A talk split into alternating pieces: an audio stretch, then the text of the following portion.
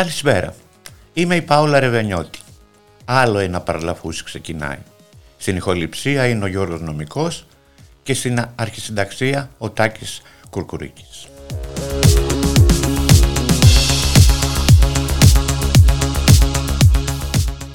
Καλεσμένη της σημερινής μας εκπομπής είναι η Ιεροφίλη Κόκαλη, σύμβουλος σεξουαλικής υγείας, συγγραφέας και ηθοποιός. Θα συζητήσουμε για την τρανς ορατότητα και για πολλά άλλα. Να μπενάψουμε στα λατσά.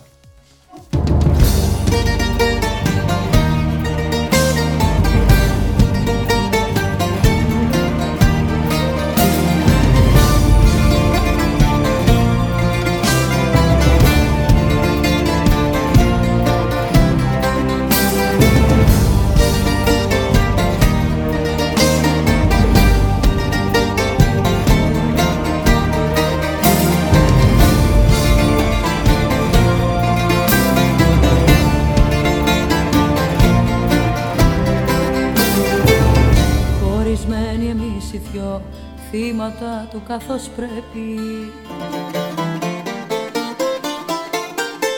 Καταντήσαμε τρελή από αυτή τη λογική που το πάθος παραβλέπει. Χωρισμένοι από φίλους που το δρόμο θα μας δείξουν. Από ανθρώπους λογικούς που κάναν λογαριασμούς και στα χρέη θα μας πνίξουν Μα εγώ αρχίζω πόλεμο στους νόμους και στα ηθή Κι άμα πιαστώ εχμαλωτίας Είμαι η παράλογη των λογικών τα πλήθη. Μα εγώ αρχίζω πόλεμο στους νόμους και στα ηθή Κι άμα πιαστώ εκμαλωτίας Είμαι η παράλογη των λογικών τα πλήθη.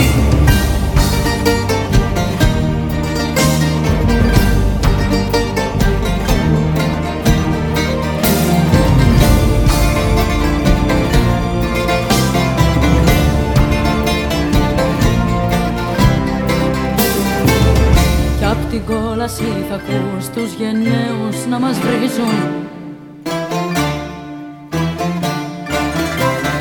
Σαν ζευγάρι ατυχές με ένα τέλος ευτυχές για αυτούς που μας ορίζουν. Μα εγώ αρχίζω πόλεμο στους νόμους και στα ηθή κι άμα πιαστώ εχμαλωτίας Είμαι η παράλογη των λογικών τα πλήθη Μα εγώ αρχίζω πόλεμο Στους νόμους και στα ηθή Κι άμα πιαστώ εκμαλωτίας Ας είμαι η παράλογη των λογικών τα πλήθη Μα εγώ αρχίζω πόλεμο Καλησπέρα Ερωφίλη. Καλησπέρα Παόλα. Ε, η Ερωφίλη είναι μια ιδιαίτερη προσωπικότητα μέσα στην τρανς κοινότητα. Ε, τον τελευταίο καιρό την κάνω παρόλο που την παρακολουθώ πάρα πολλά Είναι από τις ελάχιστες περιπτώσεις που δεν έχει σχέση με το πεζοδρόμιο. Ε, και άρχισες πόλεμο με το τραγούδι αυτό. Γιατί επέμενες να μπει αυτό το τραγούδι, Αροφίλη. Καταρχάς, επέμενε να μπει αυτό το τραγούδι του 1996 που το έχει πει και τη γαρμπή και τους στίχους έχει γράψει ο Γιάννης Δόξας και τη μουσική ο Φίβος. Γιατί είναι ένα από τα ακούσματα που είχα πολύ έντονα και είναι ένα κομμάτι που ο στίχος ε, «Αρχίζω πόλεμο στους νόμους και τα ήθη κι άμα πιαστώ εχμάλωτη ας είμαι η παράλογη στον λογικών τα πλήθη» πιστεύω ότι μας χαρακτηρίζει απόλυτα και θα μου επιτρέψεις να πω ότι εν μέρη ίσως και εσύ είσαι μια γυναίκα που έχει αρχίσει πόλεμο στους νόμους και στα ήθη και είναι ευχάριστο το ότι προς το παρόν κερδίζουμε. Mm, κερδίζουμε, η αλήθεια είναι αυτή. Εροφίλη μου πόσα χρόνια, Μωρifίλη, Εροφίλη έχει πλάκα το όνομά σου. Το Μωρifίλη ποιος το έβγαλε; Εγώ, η Γκρέτα. η Γκρέτα. Χθες το βράδυ, φρέσκο. το βράδυ, ναι. Φρέσκα βαφτίσια.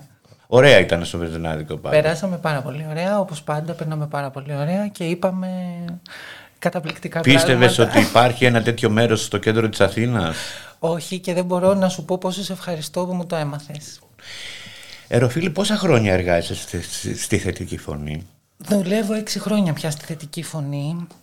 Το κυρίως μέρος της δουλειάς μου έχει να κάνει ε, με τη σεξουαλική υγεία ε, στο Athens Checkpoint όπου κάνουμε δωρεάν τεστ για τον HIV, την υπατητήδα B και σε, αλλά και ενημέρωση και συμβουλευτική για τα σεξουαλικώς μεταδεδόμενα νοσήματα. Το κυρίως μέρος της δουλειάς μου, δηλαδή στη θετική φωνή είναι αυτό. Αλλά το τελευταίο διάστημα έχει προκύψει το πρόγραμμα Transcare, το οποίο είναι ένα ευρωπαϊκό πρόγραμμα ε, και αποτελείται από μια κοινοπραξία η οποία περιλαμβάνει το ΕΚΠΑ, το Πανεπιστήμιο Κρήτης, τη Θετική Φωνή, το Red Umbrella, την Color Youth, το Orlando LGBT+, το, τη Read Lab, ε, ελπίζω να μην ξεχνάω κάποιον, το οποίο πρόγραμμα λοιπόν έχει σκοπό να βελτιώσει την πρόσβαση των τρανς ατόμων σε υπηρεσίες υγείας που όπως γνωρίζουμε είναι ένας τομέας, η υγεία μαζί με την παιδεία και την εργασία όπου τα τρανς άτομα βιώνουν και βιώνουμε τους πιο σοβαρούς και τους πιο σκληρούς αποκλεισμούς. Για πες μου μερικούς αποκλεισμούς που μπορεί να βιώσει μια τρανς. Έχω και εγώ τις προσωπικές μου εμπειρίες, αλλά θέλ, εσένα θέλω να ακούσω. Ε, καταρχάς να ξεκινήσουμε από το ότι ένα τρανς άτομο ανακαλύπτοντας τον εαυτό του και την ταυτότητά του και προσπαθώντας αυτό να το υλοποιήσει, ο πρώτος άνθρωπος που θα συναντήσει, κατά πάσα πιθανότητα, είναι ένας επαγγελματίας ψυχικής υγείας. Αυτό το ιατρείο, για λόγους πολύ κακούς και για λόγους που σήμερα δεν έχουν καμία θέση, λέγεται ιατρείο σεξουαλικών διαταραχών. Νομίζω ότι πια καταλαβαίνουμε όλοι ότι δεν υπάρχει καμία σεξουαλική ή άλλου τύπου διαταραχή στο θέμα της ε, ταυτότητας φύλου και αυτό είναι η πρώτη κακοποίηση. Δηλαδή το γεγονός ότι πρέπει να υποστείς ότι ανήκει σε αυτή την κατηγορία. Από εκεί και πέρα οι αφηγήσεις που έχουν προκύψει και μέσα από το πρόγραμμα, από τα focus groups του προγράμματος είναι συγκλονιστικές. Εκτός δηλαδή από την εμπειρία που μπορεί η κάθε μία μας να έχει, που η κάθε μία μας έχει μία μοναδική εμπειρία. Από ό,τι φαίνεται, ειδικά στο κομμάτι της ψυχικής υγείας, υπάρχει τεράστιο στίγμα. Δηλαδή, οι ψυχίατροι και οι ψυχολόγοι συχνότερα επιμένουν να διαγνώσουν ότι το θέμα της ταυτότητας φύλου είναι ψυχική διαταραχή παρά να αποδεχτούν ότι μία ταυτότητα φύλου μπορεί να είναι αληθινή, σεβαστή και αποδεκτή και να προχωρήσουν στο να βοηθήσουν τα άτομα να παραπεμφθούν σε ενδοκρινολόγο αν το επιθυμούν και να συνεχίσουν να ζουν τη ζωή τους στο επιθυμητό φύλλο. Ενδιαφέρον. Είναι ενδιαφέρον και έχει μια, έχει μια αξία το να μπορέσουμε κάποια στιγμή να μιλήσουμε πιο συνολικά. Γιατί τα ιατρεία που υπάρχουν στο νομό Αττικής, σε δημόσια νοσοκομεία, είναι δύο. Και μέχρι πριν κάποια χρόνια ήταν ένα. Μπορεί να καταλάβει κανείς τι σημαίνει ότι όλα τα τρανς άτομα των τελευταίων δεκαετιών έχουν περάσει από ένα ιατρείο στο οποίο ήταν πιο πιθανό να αντιμετωπίσουν κάτι που μοιάζει με θεραπεία μεταστροφής, δηλαδή ήταν πιο πιθανό ένα τρανς άτομο στην, στην προσέγγιση του με τον ψυχίατρο εκεί να ακούσει, αντί για να ακούσει κάτι ενδυναμωτικό, κάτι συμβουλευτικό, κάτι που να προχωρήσει τη ζωή του, αυτό που άκουγε και ακούει είναι αποτρεπτικό, ρατσιστικό, τρανσφοβικό και εντελ, εντελώς αντιεπιστημονικό. Τι τους λένε δηλαδή; Ότι η οικογένειά σου θα σε απορρίψει, οι φίλοι σου θα σε απορρίψουν, το κοινωνικό περιβάλλον δεν θα σε αποδεχτεί, δεν θα καταφέρεις να βρεις δουλειά, γιατί η δουλειά για την οποία η ελληνική κοινωνία και το ελληνικό κράτος προορίζει τις τρανς γυναίκες είναι η σεξεργασία και άλλα καθόλου ενθαρρυντικά πράγματα. Θα πει κάποιος ότι ναι, εμείς λέμε ρεαλιστικά γεγονότα. Εμείς βασιζόμαστε σε αυτό που συμβαίνει. Ναι, αλλά όταν αυτά τα ρεαλιστικά γεγονότα έχουν μόνο ρατσιστικό και τρανσφοβικό υπόβαθρο. Και τρομάζουν και τον άνθρωπο απέναντι που έχουν απέναντί του. Δηλαδή, φαντάσου πόσο τρομακτική εμπειρία θα είναι για ένα νεαρό παιδί που έχει όλα αυτά τα προβλήματα να πάει να ρωτήσει ένα ψυχίατρο και να τον φοβήσει περισσότερο. Είναι τρομερό. Και που δεν έχει πρόσβαση κάπου αλλού. Δηλαδή, ένα παιδί που είναι στην εφηβεία ή μετά την εφηβεία, 18-19 και ψάχνεται, ακούγοντας αυτή την αντιμετώπιση από τον μοναδικό ψυχίατρο και από έναν επιστήμονα από τον οποίο εξαρτάται. Γιατί είναι σαν οντισιόν, για να σου δώσω να καταλάβεις. Πρέπει να πας δηλαδή αρκετές φορές για να πείσεις τον ψυχίατρο και την ομάδα που παρακολουθεί μια διαδικασία που καλύπτεται από απόρριτο, όπως ξέρουμε, αυτές οι διαδικασίες καλύπτονται από απόρριτο. Οπότε πηγαίνεις κάθε φορά για να πείσεις ότι όντως η ταυτότητα φίλου σου είναι αληθινή. Μπορεί να φανταστεί κανείς τι διαδικασία είναι αυτή. Και όταν είσαι και σε νεαρή ηλικία, το ξανά είπα προηγουμένως, είναι τρομακτική. Είναι ένα σύστημα το οποίο κατασκευάζει Δήμητρες. Αν μιλήσουμε δηλαδή και με συμβάντα πολύ κοντινά και πολύ φετινά, είναι ένα σύστημα το οποίο κατασκευάζει Δήμητρες από την εφηβεία και μέχρι την επόμενη και μεθεπόμενη γενιά βλέπουμε για πού τις προορίζει. Δεν είναι καθόλου τυχαίο ότι η Δήμητρα από πολύ νωρίς ψυχιατρικοποιήθηκε με το χειρότερο τρόπο και έζησε έγκλειστη και χωρίς τη θέλησή της σε ψυχιατρεία και κάπως έτσι ήρθε και το τέλος της. Οπότε πρέπει να μιλήσουμε για την ψυχική υγεία των τρανς ατόμων με άλλους όρους και πρέπει να μιλήσουμε όσοι και όσες έχουμε εμπειρία από ιατρεία είτε δημόσια είτε ιδιωτικά τα οποία θεωρούμε και έχουμε δει εκ του αποτελέσματος ότι δεν μας κάνουν καλό, το αντίθετο, μας κάνουν κακό. Να σου πω εγώ τώρα μια εμπειρία που είχα. Ήμουν με μια φίλη τρανς και την είχα συνοδέψει παρέα σε, σε μια ψυχιατρική κλινική για να της γράψει κάτι χάπια. Και της μιλούσε στο αρσενικό, η ψυχίατρος. Και ήμουν μπροστά εγώ. Και γυρνάω και λέω γιατί αφού έτσι γράφει ταυτότητα. Μα είναι δυνατόν, της λέω κυρία μου, που είσαι ψυχίατρος, που βλέπετε δύο τρανς άτομα, να τους μιλάτε στο αρσενικό, δεν φταίω εγώ αφού το γράφει η ταυτότητά τους. Δηλαδή μου ήρθε να την πιάσω τα μαλλιά εκείνη τη στιγμή Δεν το συνέχισα. Ερωφίλη έχουμε μια, ένα χάσμα Ναι. Εγώ είμαι ένας άνθρωπος που μεγάλωσα από τους δρόμους, έκανα μερικά πράγματα. Εσύ είσαι ένας άνθρωπος ο οποίος δεν πήγε πεζοδρόμιο. Πώς το κατάφερες αυτό; Με δύο τρόπους. Αρχικά ο πρώτος τρόπος ήταν ότι μεγαλώνοντας ε, σε μια περιοχή πολύ κοντά στην Καλυθέα και στη Λεωφόρο Συγκρού ε, είχα από πολύ μικρή ηλικία τρομοκρατηθεί όπως θα έπρεπε για όλα αυτά. Δηλαδή με είχαν προετοιμάσει από πολύ μικρή ηλικία ότι πρόσεξε τι κάνεις και πρόσεξε πού θα καταλήξεις όπως λέγανε τότε. Οπότε σίγουρα είχε μέσα μου, ε, είχε μέσα μου μεγαλώσει ένας φόβος για ότι από όλα αυτά, αλλά και στην ενήλικη πια ζωή μου μετά ήξερα ότι αυτό είναι κάτι που δεν θέλω να κάνω.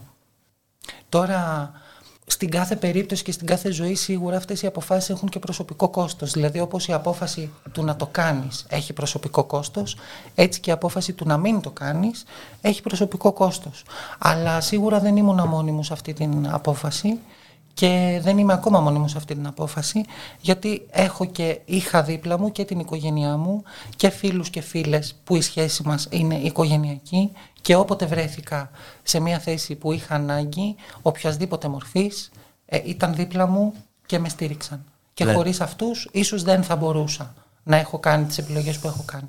Ένα τρανς άτομο δηλαδή αν δεν έχει στήριξη από την οικογένειά του τις, περισπε... τις περισσότερες περιπτώσεις είναι καταδικασμένο να βγει στο πεζοδρόμιο. Έχουν αλλάξει τα πράγματα όμως Έχουν για αλλάξει. τα σημερινά Έχουν παιδιά. Αλλάξει.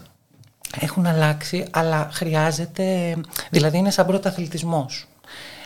Μπορεί κάποιοι επιχειρηματίες ή δεν ξέρω κάποιες δουλειές να έχουν ανοίξει λίγο και για τρανς άτομα, όπως επίσης ε, πια τα τρανς άτομα ολοκληρώνουν τη δευτεροβάθμια εκπαίδευση, κάποια από αυτά που επιθυμούν σπουδάζουν και στην τριτοβάθμια κτλ. κτλ.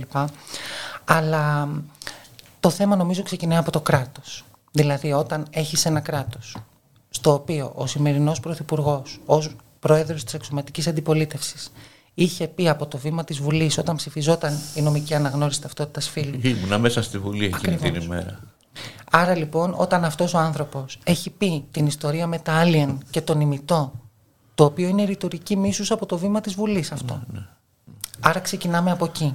Όταν έχεις μια νομική αναγνώριση ταυτότητας φύλου, η οποία είναι ένα κακό αστείο και η οποία ενώ θα έπρεπε να ενδυναμώνει και να προσφέρεται στα τρανς άτομα, ουσιαστικά γίνεται μόνο για να έχουν κέρδος οι δικηγόροι και τα τρανς άτομα να πρέπει να πληρώσουν χιλιάδες ευρώ για εξήγησέ μου το δηλαδή πιο περιεκτικά. Πιο περί... Θέλω να αλλάξω την ταυτότητά μου. Τώρα λέει Παύλος Ρεβενιώτης. Να το Ωραία. κάνω Πάολα Ωραία. Ρεβενιώτη. Αρχικά πρέπει να βρεθεί ένας δικηγόρος της επιλογής σου ή να σου συστήσουν κάποιο δικηγόρο. Αφετέρου υπάρχει ένας χρόνος αναμονής που είναι από ένα έως ενάμιση, μπορεί και παραπάνω χρόνο, δηλαδή μπορεί να πάει και στα δύο χρόνια και ταυτόχρονα το κόστος μπορεί να κινηθεί από 1.000 ευρώ μέχρι και 2.000 ευρώ αναλόγως που έχεις γεννηθεί. Δηλαδή αν έχεις γεννηθεί στην επαρχία θα πρέπει ο δικηγόρος να ταξιδέψει στον νομό που γεννήθηκες για να πάρει από εκεί τις, λιχε- τις ληξιαρχικές πράξεις γεννήσεως κτλ. Άρα μιλάμε για μια υπόθεση στην οποία τα τρανς άτομα δεν ωφελούνται επί της ουσίας, ωφελούνται τα τρανς άτομα που προέρχονται από μια τάξη που είναι προνομιούχα, δηλαδή οι γονείς τους ή τα ίδια τα άτομα έχουν τα χρήματα να τα δώσουν σε μια μέρα. Πάλι βέβαια ο χρόνος αναμονής είναι ο ίδιος. Και ας φτάσουμε σε ένα σημείο που μιλάμε για ένα άνεργο τρανς άτομο. Για ένα τρανς άτομο που αυτή τη στιγμή σπουδάζει και που στη σχολή του έχει πρόβλημα γιατί δεν τον αποκαλούν με το επιθυμητό όνομα αλλά με τα στοιχεία της ταυτότητας. Πώς λοιπόν αυτό το άτομο θα συνεχίσει τις σπουδές του όταν καθημερινά του κάνουν misgendering οι καθηγητές, οι συμφοιτητές, οι συμφοιτήτριες κτλ. Και ποιος ωφελείται τελικά από αυτή την διαδικασία; Οι δικηγόροι. Οι δικηγόροι. Και όλο το σύστημα αυτό το δικαστικό. Και σε πάρα πολλές περιπτώσεις υπάρχει και μια περίπτωση που είναι πολύ γνωστή. Υπάρχει δικηγόρος ο οποίος δημόσια διεκδικεί το να είναι ο τρανς σωτήρας και ότι υποστηρίζει τα τρανς δικαιώματα και γνωρίζουμε πάρα πολύ καλά ότι δημόσια στο facebook έχει μιλήσει με το χειρότερο τρόπο, με ρατσιστικό και τρανσφοβικό μίσος για τρανς γυναίκες. Και αυτά υπάρχουν. Είναι, είναι γραμμένα δηλαδή, είναι δημοσιευμένα. Πώς λοιπόν η ΛΟΑΤΚΙ κοινότητα και η κοινωνία των πολιτών επιτρέπει σε έναν δικηγόρο με αυτό το ήθος να έχει δημόσιο βήμα για τα δικαιώματά μας; Μεγάλη συζήτηση αυτή, ας μην την κάνουμε τώρα. Είναι Ρητορικό, λίγο- ρητορικό. Ναι. Ή να την κάνουμε μια άλλη φορά. Ευχαρίστως. Ευχαρίστως. Πώς θα μπορούσε να είναι να, να αλλάξω το όνομά μου με πιο εύκολο τρόπο. Η πρόταση σου ποια θα ήταν; Η πρότασή μου θα ήταν ότι όπως αλλάζουν, φωτογρα... όπως αλλάζουν ταυτότητα τα cis άτομα, να αλλάζουν ταυτότητα και τα trans άτομα. Ένα παράβολο, δεν θυμάμαι το ποσό, είναι ένα ποσό που ο κάθε άνθρωπος μπορεί να το διαθέσει και μια διαδικασία επίσκεψης στε- σε αστυνομικό τμήμα με ό,τι έγγραφα θεωρήσουμε ότι χρειάζονται και επιτόπου να γίνει η αλλαγή της ταυτότητας. Μια χαρά. Μια χαρά. Γιατί δηλαδή οι cis άνθρωποι αν χάσουν την ταυτότητά τους, τους περιμένει το, το όνομα, το επίθετο, το φύλο, η θρησκεία, τους περιμένουν όλα εκεί, ενώ ένας τρανς άνθρωπος που θέλει να αλλάξει την ταυτότητά του πρέπει να αποδείξει από την αρχή τα πάντα και μάλιστα σε δικαστήριο. Και ας είναι ειρηνοδικείο. Σε σχέση με το εξωτερικό, πώς είναι τα πράγματα εδώ στην Ελλάδα; Ανάλογα με ποιο εξωτερικό. Εσύ είσαι πιο πολύ ταξιδεμένη από μένα και έχεις Ε, να πεις περισσότερα. ε, ε, με το δυτικό εξωτερικό. Ναι. Εντάξει, αν το συγκρίνουμε με το βόρειο-δυτικό εξωτερικό, για παράδειγμα με τη Δανία ή με σκανδιναβικές χώρες, όπου το κράτος αναλαμβάνει όλα τα έξοδα του transition, από την ε, ψυχολογική και ψυχιατρική υποστήριξη μέχρι όλες τις επεμβάσεις που μεσολαβούν και αν το άτομο επιθυμεί να κάνει και τον τελικό επαναπροσδιορισμό φύλου ή επιβεβαίωση φύλου όπως το κάθε άτομο προτιμά, αν σκεφτούμε ότι υπάρχουν χώρες που καλύπτουν όλα αυτά τα έξοδα, μπορούμε να καταλάβουμε ότι εδώ για το πιο απλό, αλλά και το πιο σημαντικό, την ταυτότητα. Δηλαδή θα δουλέψεις, θα στείλεις βιογραφικό, θα ταξιδέψεις, θα βρεθείς σε ένα νοσοκομείο. Και δεν υπάρχει ούτε αυτό. Το πιο βασικό. Ο ΟΑΕΔ, τώρα υπάρχουν προγράμματα στον ΟΑΕΔ λέει, που μπορεί Ναι. μια τρανς να... Το είδα κι εγώ. Το Για είδα κι πες, εγώ. για πες. Ε, μ, δεν, δεν μπορώ να πω ότι το ξέρω εκ των έσω, αλλά συζητώντας έτσι με φίλες, αυτό που κατάλαβα και αυτό που μου περιγράψανε, είναι ότι πρέπει το ίδιο το άτομο να συμφωνήσει με τον εργοδότη αρχικά και αφού συμφωνήσουν να στείλουν την αίτηση στον ΟΑΕΔ και ο ΟΑΕΔ να την εγκρίνει. Αυτό σημαίνει ότι ο μισθός του τρανς ατόμου πληρώνεται κατά 90% για ένα χρόνο από τον ΟΑΕΔ αλλά ξαναλέω, πρέπει το ίδιο το τρανς άτομο να βρει τον εργοδότη. Δεν υποχρεώνεται δηλαδή μία ας πούμε πολυεθνική να προσλάβει από το 100% 10% προσωπικό τρανς άτομα.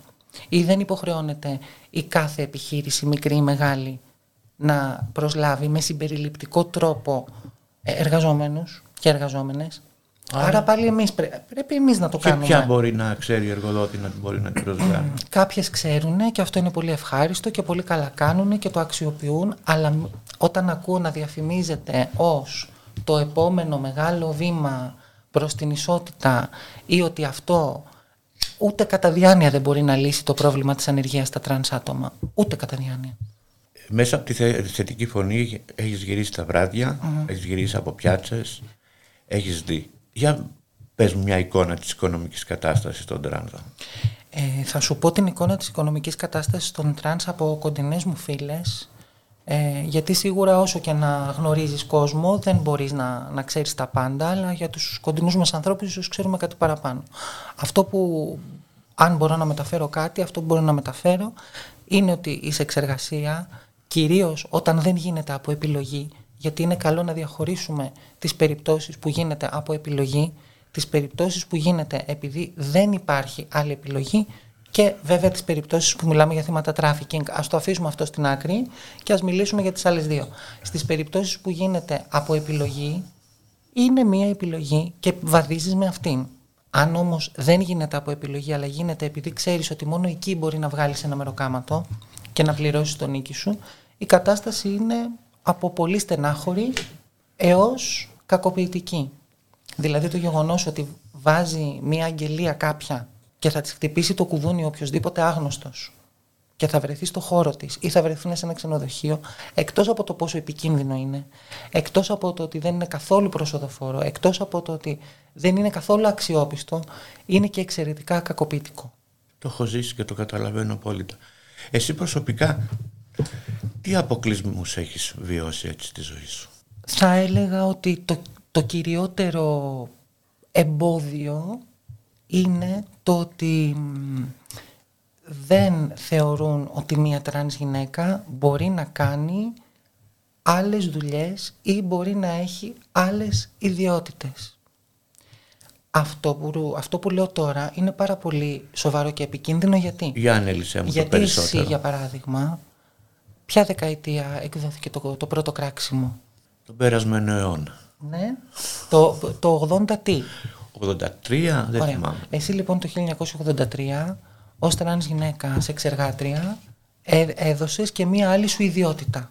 Έτσι, αυτή της εκδότριας, της συγγραφέως, της ακτιβίστριας, όπως θες πες το και όλα μαζί. Το οποίο μου έκανε εντύπωση ότι με ρωτάγανε αν εγώ τα γράφω κιόλας. Ναι. Δηλαδή δεν μπορούσαν να πιστέψουν ότι Ακριβώς. εγώ μπορώ τα γράφω. Αυτό που είπες λοιπόν ακριβώς είναι το, το μόνιμο πρόβλημα.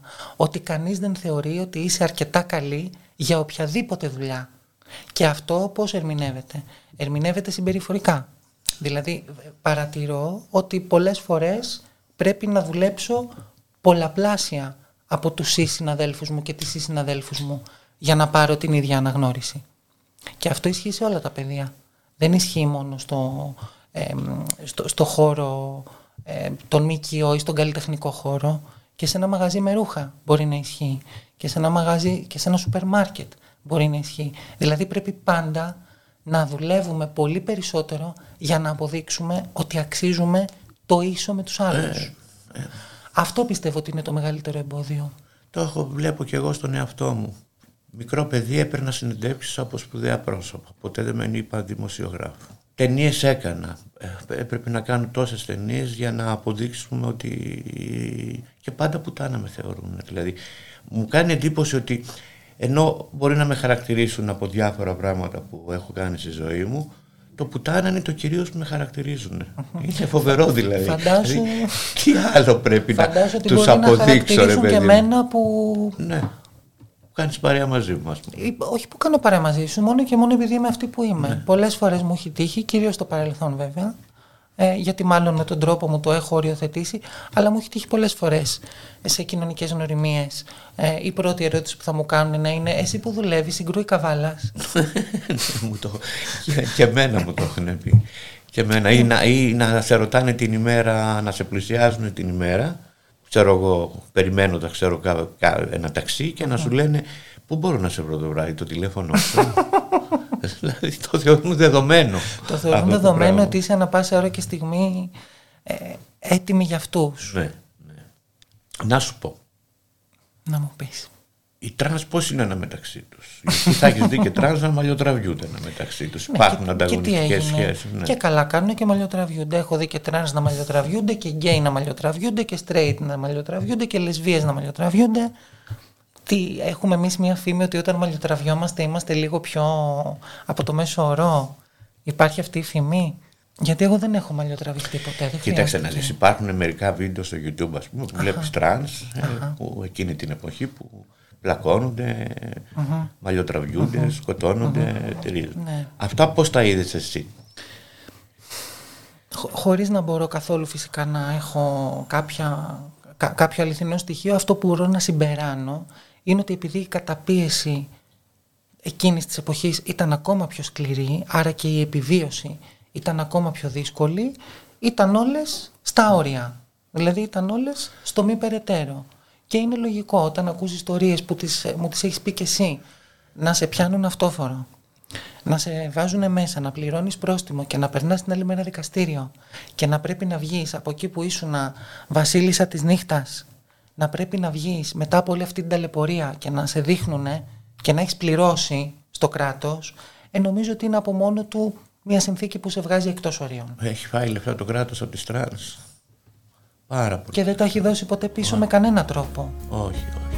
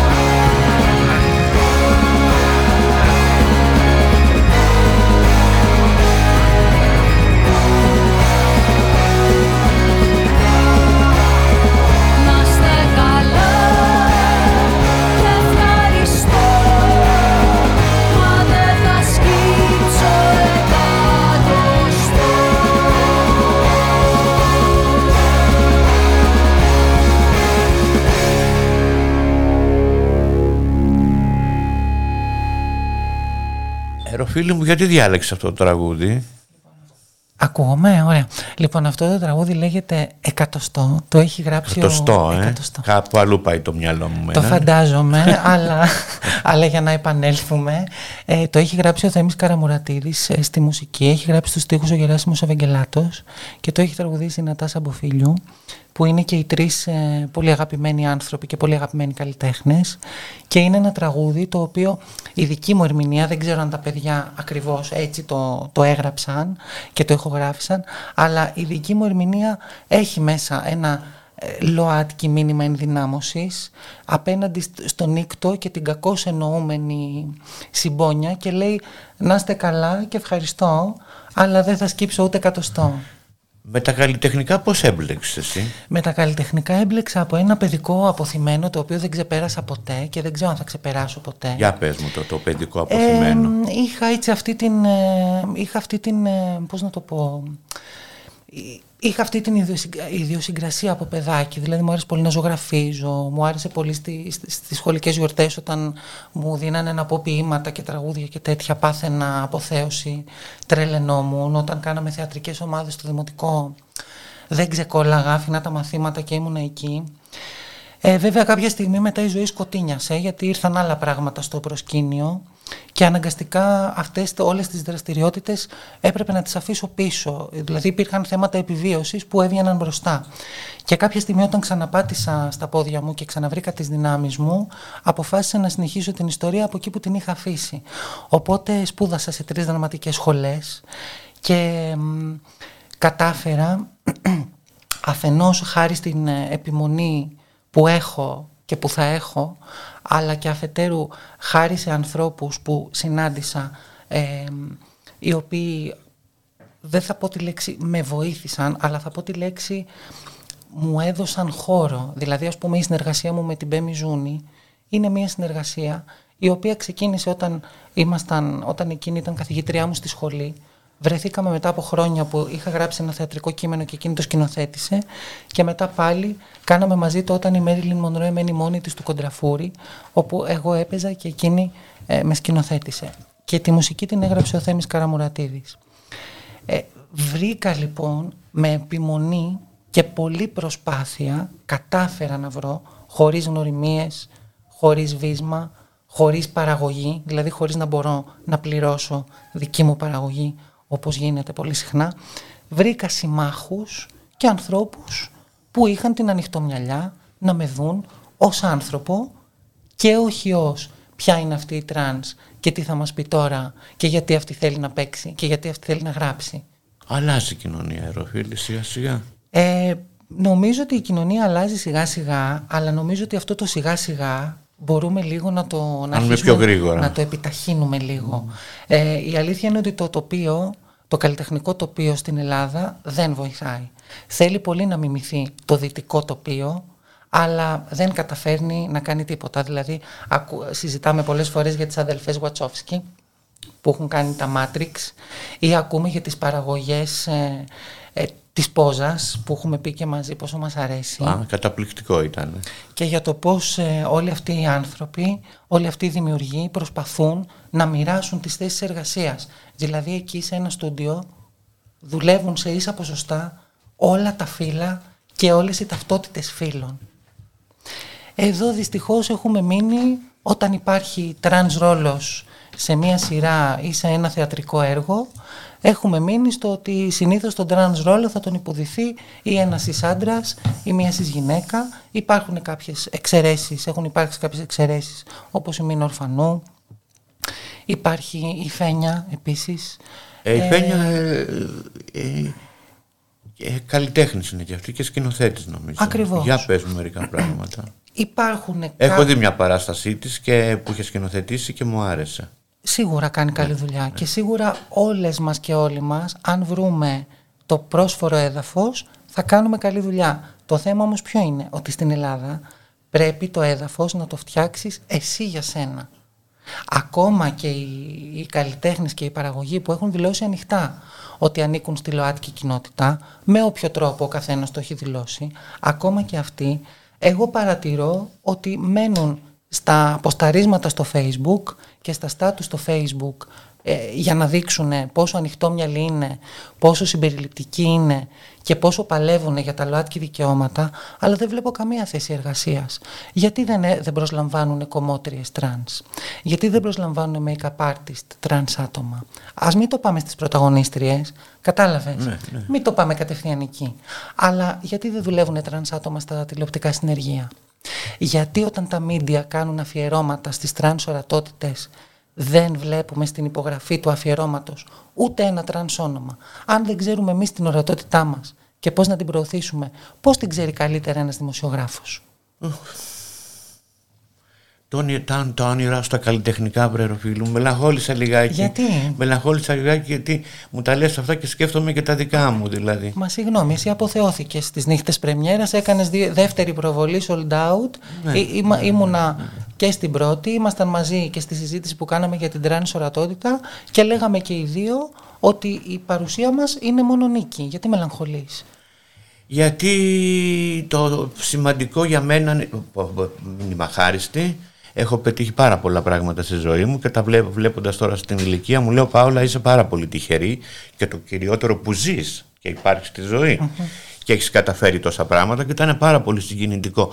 Αλλά ξέρεις να, να βλέπεις ας πούμε 400 άτομα να σε χειροκροτάνε 5 λεπτά. Πάρα πολύ συγκινητικό, αλλά νομίζω ότι ε, εμείς οι παλιές οι τρανς ε, δίναμε περισσότερο σημασία στην καθημερινότητά μας. Τι να την κάνω την αποθέωση όταν είμαι αναγκασμένη να τα βγάλω πέρα δεν ξέρω πώς. Συμφωνώ απόλυτα μαζί σου, αλλά αυτό δεν χρειάζεται να γυρνάει όλο προς το μαύρο. Δηλαδή ναι, ναι, τι να την κάνεις την αποθέωση, συμφωνώ. Αλλά το ότι είσαι σε μια συνεχή διαδικασία δημιουργίας για τόσες δεκαετίες και τόσο πρωτοπορ... Όχι πολλές δεκαετίες καλέ. Για δύο, για δύο, οριακά, ναι. δύο. Ε, για, σε τόσο διαφορετικά ζητήματα και τόσο πρωτοπόρες δημιουργίες, δηλαδή οι πικροδάφνες, έχουν κάνει διεθνή καριέρα αυτή τη στιγμή που μιλάμε. Οπότε να τα λέμε αυτά να τα αναγνωρίζουμε. Να σου το τώρα για μένα. Ναι. Εντάξει. Ε, παρόλο που κολακεύομαι και μου αρέσει να μου τα λένε, μερικές φορές άτομα σαν και εσένα είναι που εκτιμώ μου αρέσει να μου τα λένε. Ξέρεις ότι εγώ δεν. Ναι. Ε, τα όνειρά σου τα καλλιτεχνικά ποια είναι, Βρέρο. Πάολα μου δεν έχω καλλιτεχνικά όνειρα και δεν έχω γενικά όνειρα. Αυτό που έχω είναι πολύ όρεξη και αυτό που έχω είναι ε, πολύ σκέψη. Δεν έχω όνειρα. Έχω σχέδια. Να σου πω για τα καλλιτεχνικά μου σχέδια. Ναι. Να σου πω. Ε, καταρχάς, βρίσκομαι κατά τη διάρκεια, αυτή, τη, αυτή την περίοδο και μέχρι το τέλος του χρόνου θέλω να ολοκληρώσω ε, ένα διήγημα ε, το οποίο θα λέγεται «Ιστορίες με τη Λόλα Καραμπόλα» και θα αφορά ιστορίες επιβίωσης της queer παιδικής ηλικίας. Ε, και από εκεί και πέρα... Α, Εξαιρετικό το βλέπω πάντως. Μακάρι, μακάρι να, να βγει καλό. Προς το παρόν μου αρέσει αυτό που, μου αρέσει αυτό που φτιάχνω.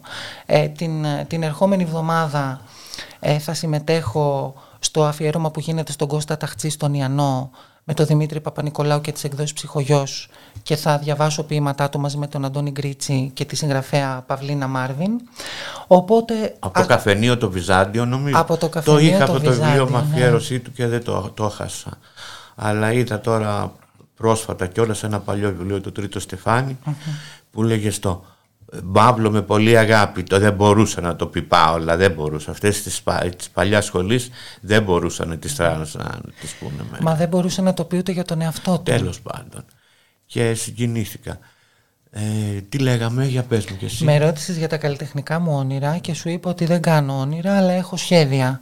Οπότε αυτά τα δύο μπορώ να σου πω προς το, προς το παρόν, για το άμεσο μέλλον. Η δηλαδή. καθημερινότητά σου ποια είναι; Η καθημερινότητά μου είναι να ξυπνήσω, να πιω καφέδες και τα λοιπά, να ασχοληθώ με το γατάκι μου, το οποίο είναι πολύ απαιτητικό και πολύ κακομαθημένο.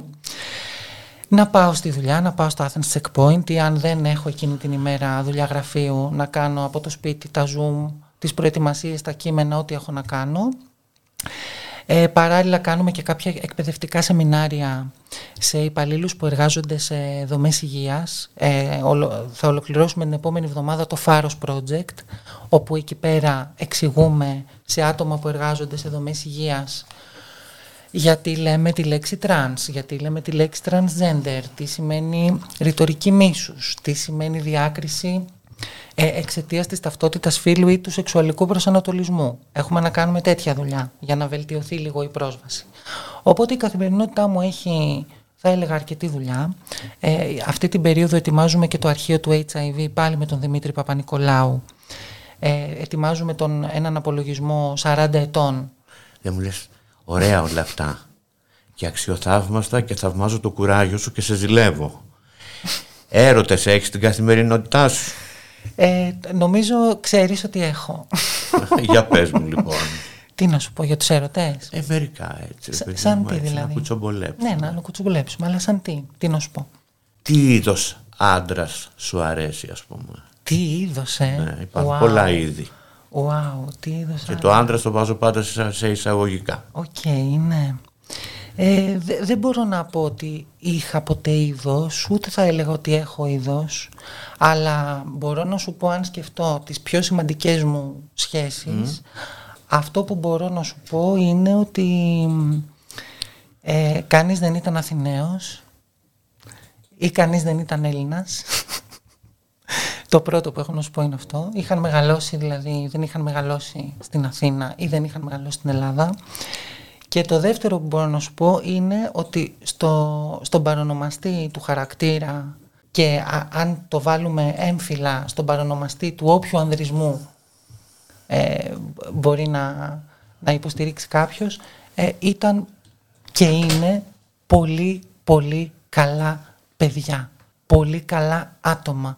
Άντρες που ήταν και είναι πολύ large extra extra large στην καλοσύνη στη μεγαλοψυχία στη γενοδορία στην ανθρωπιά Τυχερή είσαι. Ε, κοίταξε να δεις, ε, ωρα- αεροφίλη μου, σε μια πολύ ωραία παρουσία. Σε Δυσκολίες είχες με, τους, ε, με τις σχέσεις σου καθημερινά, δηλαδή ντρεπόταν π.χ. σε- να σε κυκλοφορήσει κάπου δημόσια. Εύκολα. Ξέρεις θέλω να σου πω. Ναι, για- Ή να είναι πολύ τρυφερός δημόσια μαζί σου. ναι ναι, καταλαβαίνω τι εννοείς. Η αλήθεια είναι πως... Παρόλο που μπορεί να με καταλαβαίνουν ε, οι υπόλοιποι Ναι, ναι. ότι Μπορεί να μην υπήρξες καταλαβαίνω. αγόρι. Ε, Ναι, ναι, ναι. Ε, να Και σου- δεν φαίνεσαι. Δεν έχει να κάνει με αυτό νομίζω, με το αν φαίνεσαι ή όχι. Αλλά ο άλλος το ξέρει όμως, συνήθως. Ε, μ, κάτσε, γιατί τώρα είναι, είναι όλα λίγο Τα- διαφορετικά. α, άστο, άστο. όχι, όχι. Να, να τα πούμε. Αφενός στο κομμάτι μιας ε, γνωριμίας, όπως ισχύει και για τις φιλικές μας σχέσεις, για μένα το ίδιο ισχύει και για τις προσωπικές μας σχέσεις. Δεν θα μπορούσε να έχει οποιαδήποτε σχέση μαζί μου κάποιος άνθρωπος, άντρας ή γυναίκα ή οτιδήποτε, ο οποίος, θα, ο οποίος θα είχε θέμα με το ποια είμαι. Ε, καμιά Και φορά... δεν δεν θα τον μπορούσε ο ίδιος. Όχι δεν θα τον μπορούσα εγώ. Θα το είχε ο ίδιος πριν φτάσει σε μένα. Τώρα, αν Καμιά είναι- φορά την πατάμε όμως. Ε, θα μου επιτρέψεις να σου πω ότι στο συγκεκριμένο θέμα δεν την ε, πάτησες. δεν, μπο- δεν, είναι, δεν γίνεται να την πατήσω. Όχι γιατί είμαι έξυπνη, αλλά γιατί ξέρω τι θέλω, ξέρω πώς το θέλω και ξέρω και τι δεν θέλω. Μοιάζουμε, μοιάζουμε. Χαίρομαι πο- Μοιάζουμε χαίρομαι πολύ σε για αυτό αυτά. που λες. Χαίρομαι Άσχετα πολύ. αν κάνω εγώ λίγο τα έτσι για να σου πιάνω συζήτηση. Καλά κάνεις. Ε, την εποχή του, κορον, του κορονοϊού, πώς τη βιώσαμε; Εσύ πώς τη βίωσες; Οι πο- άλλες τρανς φίλες Πολύ- πώς τη βιώσαμε. εγώ τη βίωσα πολύ σκοτεινά παρά το γεγονός ότι... Έκανες και δημιούργησες μέσα από αυτό και μια ωραία ταινιούλα Ναι, κιόλας, ναι. ναι, ναι. Ε, φτιάξαμε με τον Αντρέα Κάπα την Κορώνα, μια ταινία μικρού μήκους, η οποία βασίστηκε στο όταν η Μέριλιν Μονρό έμενε μόνη της του Κοντραφούρη πάλι ε, και παίχτηκε στο, στο Διεθνές Φεστιβάλ Κινηματογράφου στα πλαίσια του αφιερώματος για το trans cinema. Ε, ήταν μια πολύ σκοτεινή περίοδος. Βέβαια δεν δικαιούμαι να παραπονιάμαι και πάρα πολύ γιατί εγώ κατά τη διάρκεια αυτής της περίοδου ε, παρέμεινα εργαζόμενη, ε, παρέμεινα στο σπίτι που ζω, ήμουν υγιής και εγώ και όλοι οι κοντινοί μου άνθρωποι, αλλά ήταν μια πολύ σκοτεινή περίοδος για τους περισσότερους ανθρώπους. Αν μιλήσουμε δε για τους τρανς ανθρώπους, πραγματικά είδαμε να αποκαλύπτεται η πραγματικότητα γύρω από την επιβίωση. Είδαμε ανθρώπους να μένουν στις πλατείες, είδαμε ανθρώπους να ψάχνουν συσίτια και να μην βρίσκουν συσίτια και είδαμε ανθρώπους, όχι το κράτος πρόνοιας, αλλά πρωτοβουλίες σαν αυτή της θετικής φωνής, να μοιράζουν συσίτια σε ανθρώπους στην Ομόνια. Άρα είναι μια πολύ σκοτεινή περίοδος, την οποία δεν πιστεύω ότι μέχρι τώρα την... έ- Δεν, δεν πιστεύω ότι Δεν έχω έχουν, κάνει ναι. απολογισμό ακόμα. Πιστεύω ακόμα ζούμε στα απόνερα αυτής της περίοδου.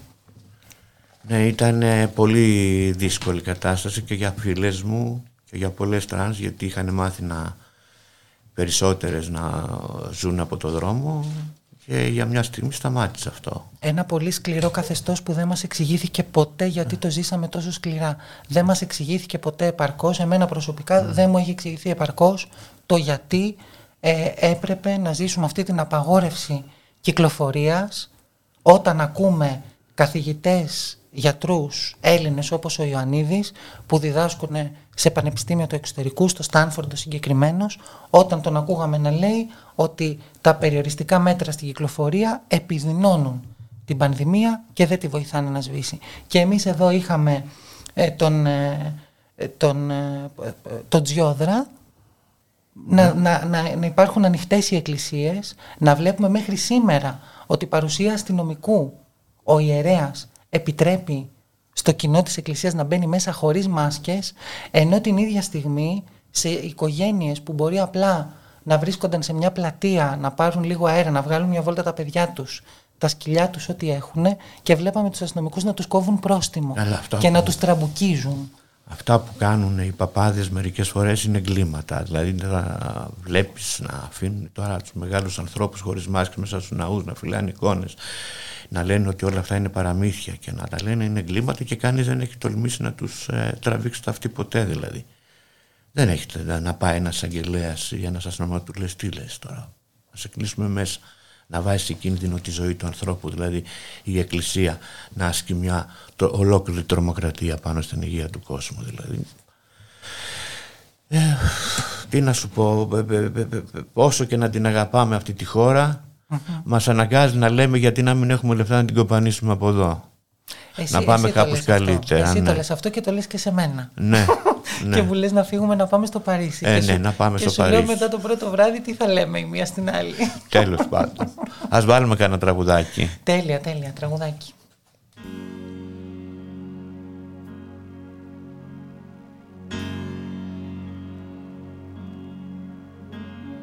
Τσάκισα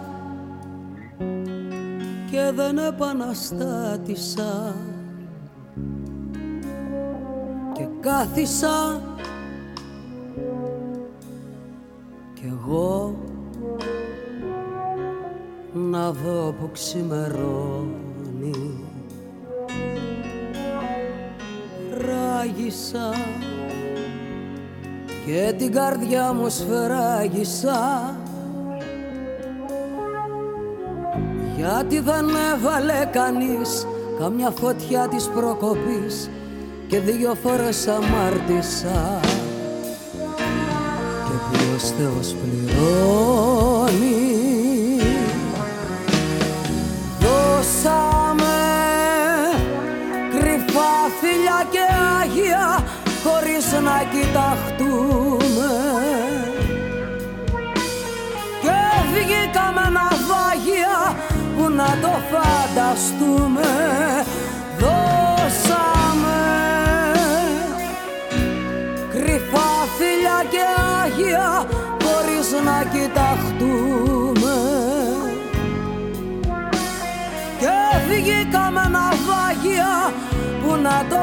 φανταστούμε Α,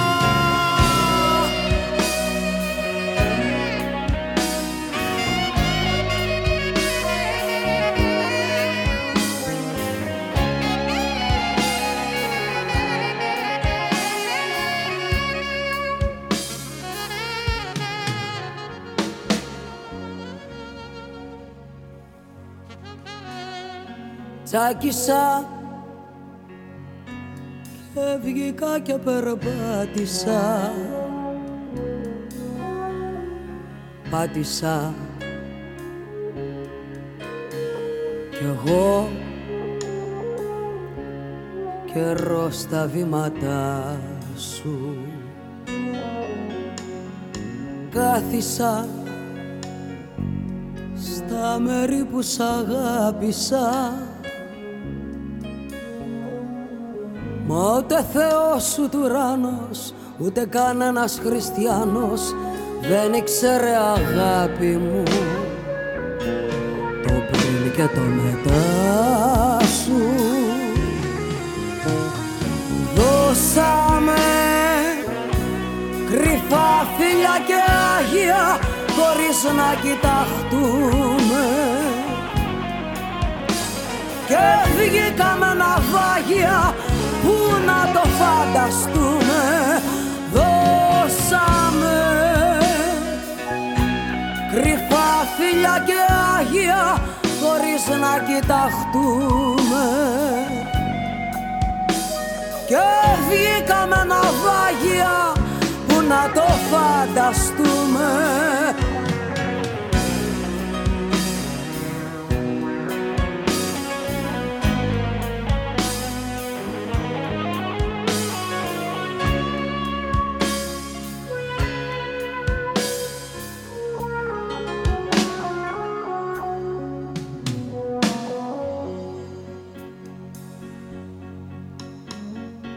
Μπόρεσα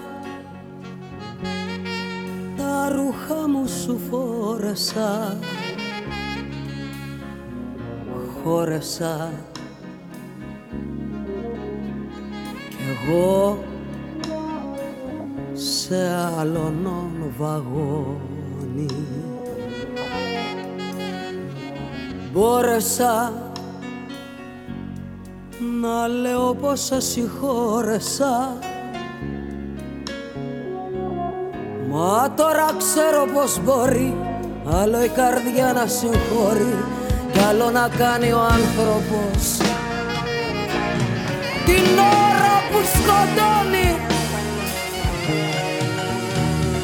Δώσαμε κρυφά φίλια και άγια Χωρίς να κοιταχτούμε. Και βγήκαμε ναυάγια που να το φανταστούμε. Δώσαμε κρυφά φίλια και άγια χωρίς να κοιταχτούμε. Και βγήκαμε ναυάγια που να το φανταστούμε.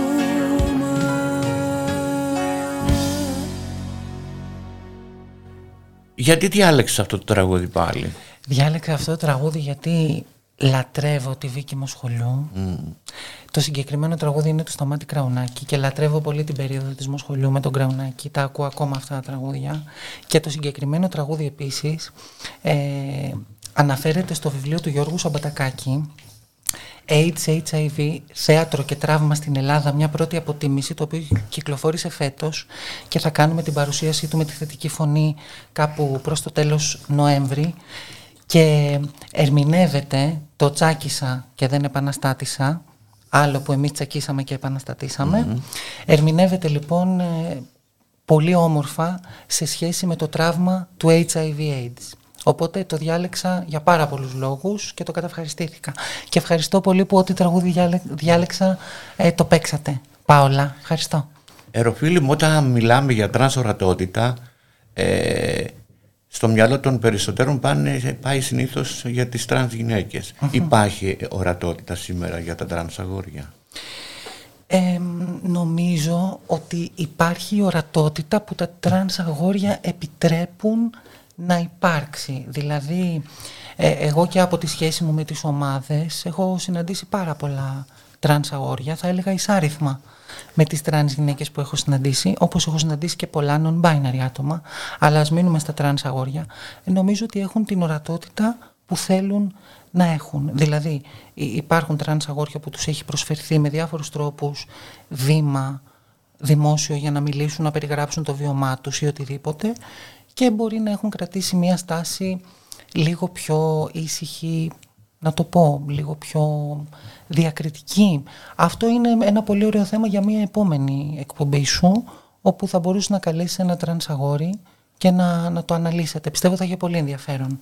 Ε, γνώρισα κάποια τρανς αγόρια τώρα που ήμουν στη Γαλλία, στο φεστιβάλ, τα οποία ήταν.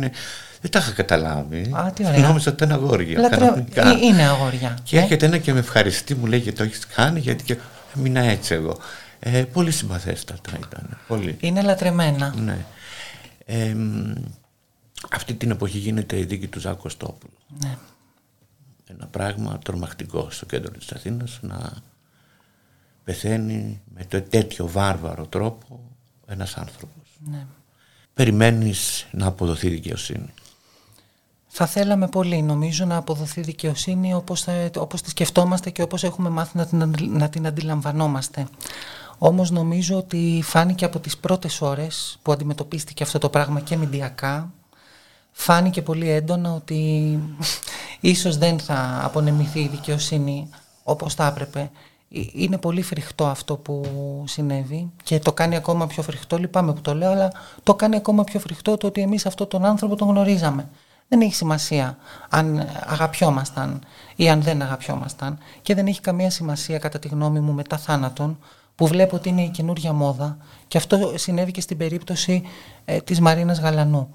Δηλαδή και μετά το θάνατο του Ζακ και μετά το θάνατο της Μαρίνας ξαφνικά βλέπεις ανθρώπους να γράφουν επικίδιους και βιογραφίες και να μοιράζονται αυτά τα τόσο μοναδικά βιώματα που είχαν και ξέρουμε ότι όχι απλά δεν μιλιόντουσαν, όχι απλά είχαν ανταγωνισμούς, μόνο που δεν ήταν στα δικαστήρια σε κάποιες περιπτώσεις.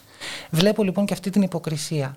Αλλά σίγουρα υπάρχει πρόβλημα και το περιστατικό του Ζάκο Στόπουλου αλλά και το περιστατικό με τον ε, Νίκο Σαμπάνης νομίζω λέγεται ναι. το αγόρι που δολοφονήθηκε αυτές τις μέρες νομίζω ότι ζούμε πράγματα που ίσως τα ζούσαμε και παλιότερα αλλά δεν μαθαίνονταν αλλά αυτό που συμβαίνει τώρα, αυτό που καταγράφεται τώρα και το ότι και η δολοφονή του Ζακ είναι ελεύθεροι όποιοι και να είναι και οι δολοφόνοι του Νίκου Σαμπάνη είναι ελεύθεροι όποιοι και να είναι νομίζω ότι το τοπίο είναι ζωφερό και θα έλεγα δεν είναι δεξιό αν υποθέσουμε ότι έχουμε μία απλή δεξιά κυβέρνηση. Νομίζω ότι μιλάμε για κάτι που όλο και περισσότερο μοιάζει με ακροδεξιά. Το διαισθάνεσαι ότι ε, η κοινωνία έχει μια τάση προς το φασισμό έχει μια τάση προς οτιδήποτε δίνει εξουσία. Και σίγουρα το ένα από τα βασικά συστατικά του φασισμού που τον κάνει τόσο ελκυστικό ε, και ενίοτε τον επαναφέρει στην επικαιρότητα είναι η εξουσία. Εγώ διάβασα διάφορα σχόλια στο facebook για τη δολοφονία του Σαμπάνη και για το Ζάκα. Και ήταν πάρα πολύ και τρόμαξα δηλαδή. Δηλαδή αποφεύγω μερικές φορές να διαβάζω, γιατί με τρομάζει πάρα πολύ η ελληνική κοινωνία. Δηλαδή, βλέπεις μερικούς ανθρώπους να είναι πραγματικά τρομακτικούς. Συμφωνώ απόλυτα μαζί σου και εγώ αποφεύγω να τα διαβάζω και δεν είμαι υπέρ της αναπαραγωγής ε, αυτής της ασχήμιας, ακόμα και αν μας εντυπωσιάζει. Δεν συμφωνώ με το να την αναπαράγουμε. Ωστόσο, είναι και αυτή μια ένδειξη την οποία, αν θέλουμε να έχουμε πολιτική συνείδηση του σήμερα και κοινωνική συνείδηση του σήμερα, οφείλουμε να τη δούμε. Όχι απαραίτητα ως κάτι ε, τρομακτικό, αλλά ως κάτι που καλό είναι να ξέρουμε ότι υπάρχει παρά να αγνοούμε την ύπαρξή του. Δηλαδή, στο τέλος είναι προτιμότερο το να μπορούμε να δούμε ότι ξέρεις τι, συνέβη και αυτό παρά να ζούμε στον κόσμο μας επειδή ψηφίστηκε ένα σύμφωνο συμβίωσης που και που ψηφίστηκε ε, τα ομόφυλα ζευγάρια εξακολουθούν να είναι παράνομα στο να θέλουν να να, να συμμετάσχουν στη διαδικασία της τεκνοθεσίας με οποιοδήποτε τρόπο, είτε μιλάμε για δύο άντρες είτε για δύο γυναίκες, και μια νομική αναγνώριση ταυτότητας φίλου που την συζητήσαμε και πριν. Δηλαδή κάθε φορά που βλέπω ότι προκύπτει θεσμικά μια ας πούμε διαφημισμένη αλλαγή στα θεσμικά για τα ΛΟΑΤ άτομα, την ίδια στιγμή σκέφτομαι ότι αυτό το ροζ πλυντήριο τώρα μας αποσπάει την προσοχή γιατί την ίδια στιγμή γίνεται κάτι άλλο που δεν θέλουν να το δούμε. Εροφίλη μου, έμαθα πολλά από σένα σήμερα. Εγώ να δεις. Σε ευχαριστώ πάρα πάρα πολύ. Και εγώ σε ευχαριστώ πολλά. Και θα ξαναμιλήσουμε. Θα ξαναμιλήσουμε όποτε θες. Σε ευχαριστώ.